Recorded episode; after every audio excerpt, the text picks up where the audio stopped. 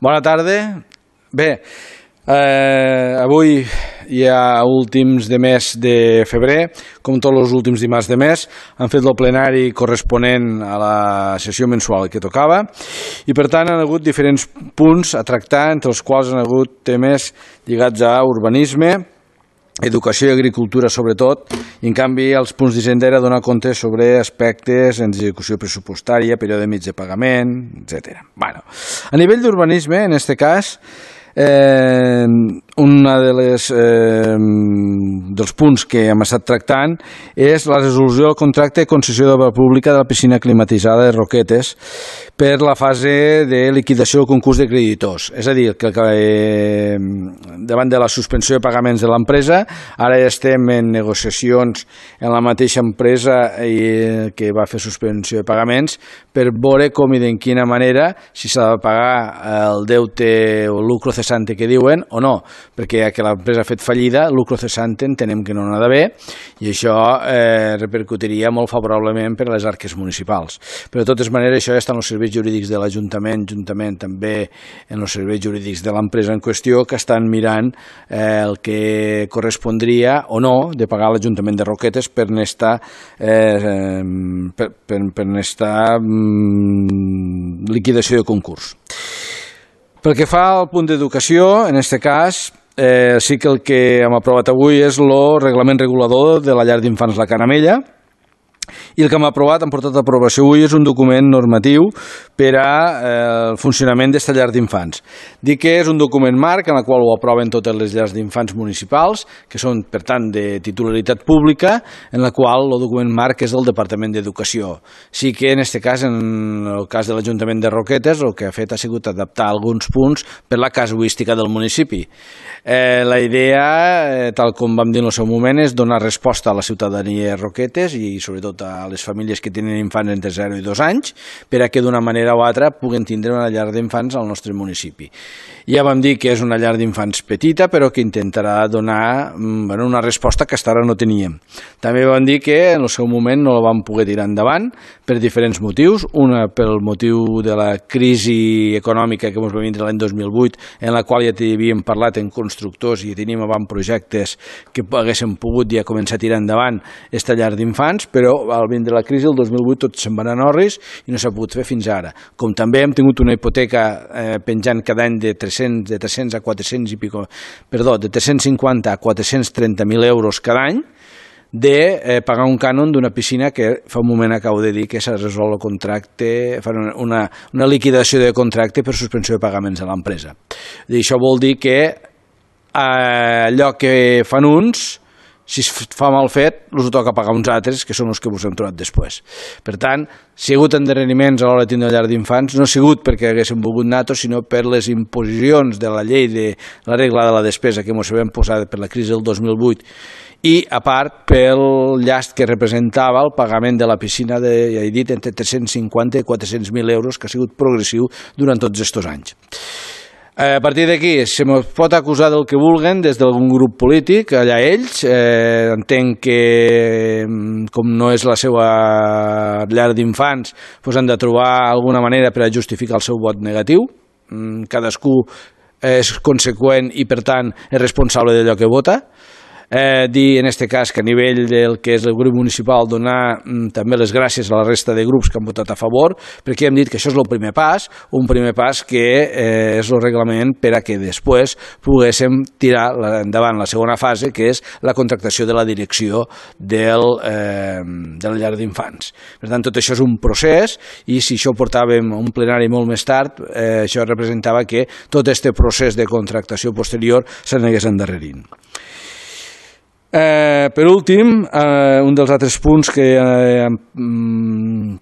han comentat avui i hem aprovat entre tots els grups polítics és de la regidoria d'Agricultura i Ramaderia, que és una moció en suport a la pagesia davant de eh,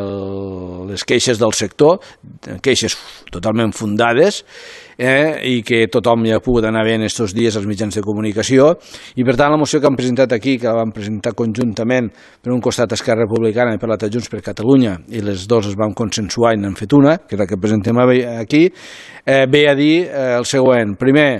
eh, defensar els pagesos pel que fa al tema de la sequera, perquè no són ells els culpables, en aquest cas, del malbaratament de l'aigua, perquè eh, este malbaratament, sobretot, se produeix en la zona turística. Dos, eh, el que representa les subvencions de la PAC, les subvencions europees de la PAC, que es demana que hi hagi més, eh, que sigui eh, molt més equànim i que, per tant, hi hagi una altra redistribució de la manera que està pensada ara perquè se n'acaben beneficiant els eh, màxims terratinents que són els que també no, no viuen de la terra i a part també que per als petits pagesos l'entramat burocràtic que representa demanar aquests ajuts i subvencions demana que eh, només ho pot fer front aquell que o tingui un bon eh, gabinet gestor per a qui li pugui tirar endavant o sigui un gran terratinent on té un exèrcit d'abogats i notaris i economistes i gestories que li fan la feina i que per tant només cal parar la mà a final de mes. Per un altre punt també que s'ha comentat ha sigut també que s'aprova la, la, la moció és eh, observar i sobretot eh, mirar com se controla la cadena de preus, com i de quina manera s'ha de contemplar que el productor, per tant el pagès o el ramader, produir li sigui rentable i no perdi diners com està passant ara i que al final, en aquest cas, el consumidor és el que sempre acaba pagant eh, el pato d'esta de, de, de, desmesura que hi ha eh, que ens trobem en, la, en, es, en esta cadena en la qual no es controla la part del mig, que és la part on comença a passar de mans aquest producte i que són els que se n'acaben beneficiant econòmicament. Per tant, que són les grans distribuïdores, les grans superfícies comercials, els grans intermediaris, i que, per tant, uns eh, no reben el diner que pertoca al seu producte i els altres paguen el que no haurien de pagar. Per tant, se demana aquí també un control d'esta cadena de preus i també un altres dels punts que es demana és ficar control al lliure comerç de productes agraris i ramaders que venen de fora de la Unió Europea. Les mesures draconianes i tecnòcrates de l'agricultura de la Unió Europea estan eh, condicionant molt el que és la producció de, de, de, dels productes agraris i ramaders, on també la normativa en fitosanitaris és, és, és clamorosa, i no diem que no ho sigui, però eh, si he de competir en producte que ve de fora de la Unió Europea, que aquests productes, per tant, els països productors, se'ls demana exactament el mateix. Per tant, davant d'això, ens trobem que eh, aquí costa molt més eh, produir pels costos que representa tot aquest tema del que són els productes fitosanitaris i que, per tant, els productes que ens venen de fora ens venen en un, en, una, en un preu afegit de mà d'obra molt més barata, però a part en, sense cap tipus de control fitosanitari com el que demana la Unió Europea. Per tant, és un producte que fa la competència al nostre perquè entra molt més barat i que, per tant, competeix amb el producte d'aquí que és més car, per, per tot això que representa, i al mateix temps el mm, consumidor que, eh, pobre, i tothom ho fem,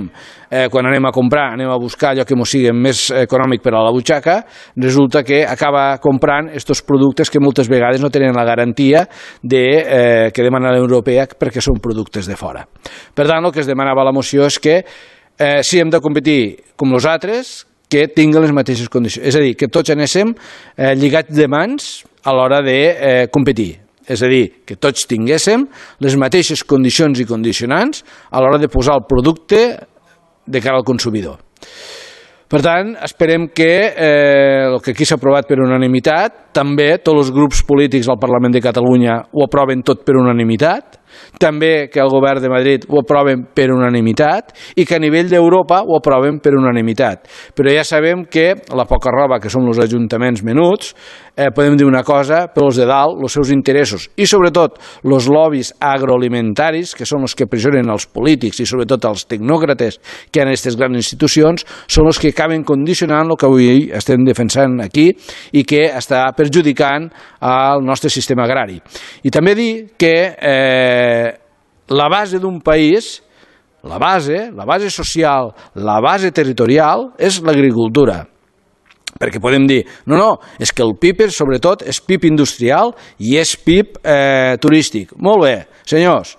Deixem en aquest cas que la pagesia i la ramaderia desapareguen i veurem qui se'n cuida del territori. Perquè tots els caps de setmana la gent de Barcelona, Rodalies, Tarragona, Rodalies, el que volen fer és sortir d'aquestes macrourbs i anar-se'n cap al camp. Molt bé, si tu te'n vas, surts de casa i surts al jardí i el jardí està ple de romigueres, ple d'argilagues, ple de mala herba, difícilment voldràs passejar gust pel jardí.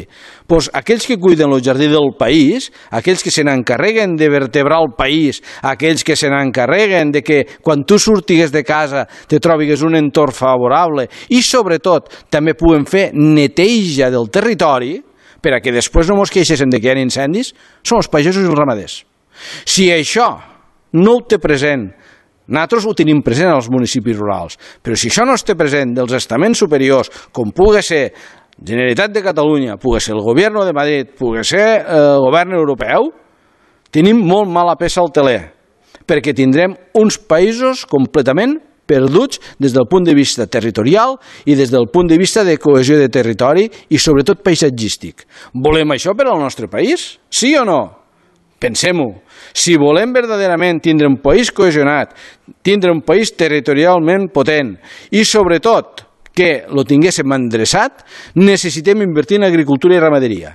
És bàsic, és bàsic. I no els podem posar els peus dels cavalls davant de tota aquesta burocràcia, aquesta tecnocràcia i, sobretot, davant de tots aquests eh, preus abusius que s'estan aplicant al que és el món agrari, que representa que al final no hi haurà relleu i si no hi ha relleu tenim un problema. Per tant, algú de dalt s'hi ha de posar les piles per a que aquest sector primari continue viu i ben viu i invertir eh, en aquest sector per a que pugui haver relleu generacional i sobretot que tinguéssim, el que diem abans, un territori cohesionat, un territori arreglat, un territori productiu i un territori net. I això només ho poden fer agricultors, és a dir, pagesos i ramaders. I res més. Moltes gràcies i fins al proper plenari.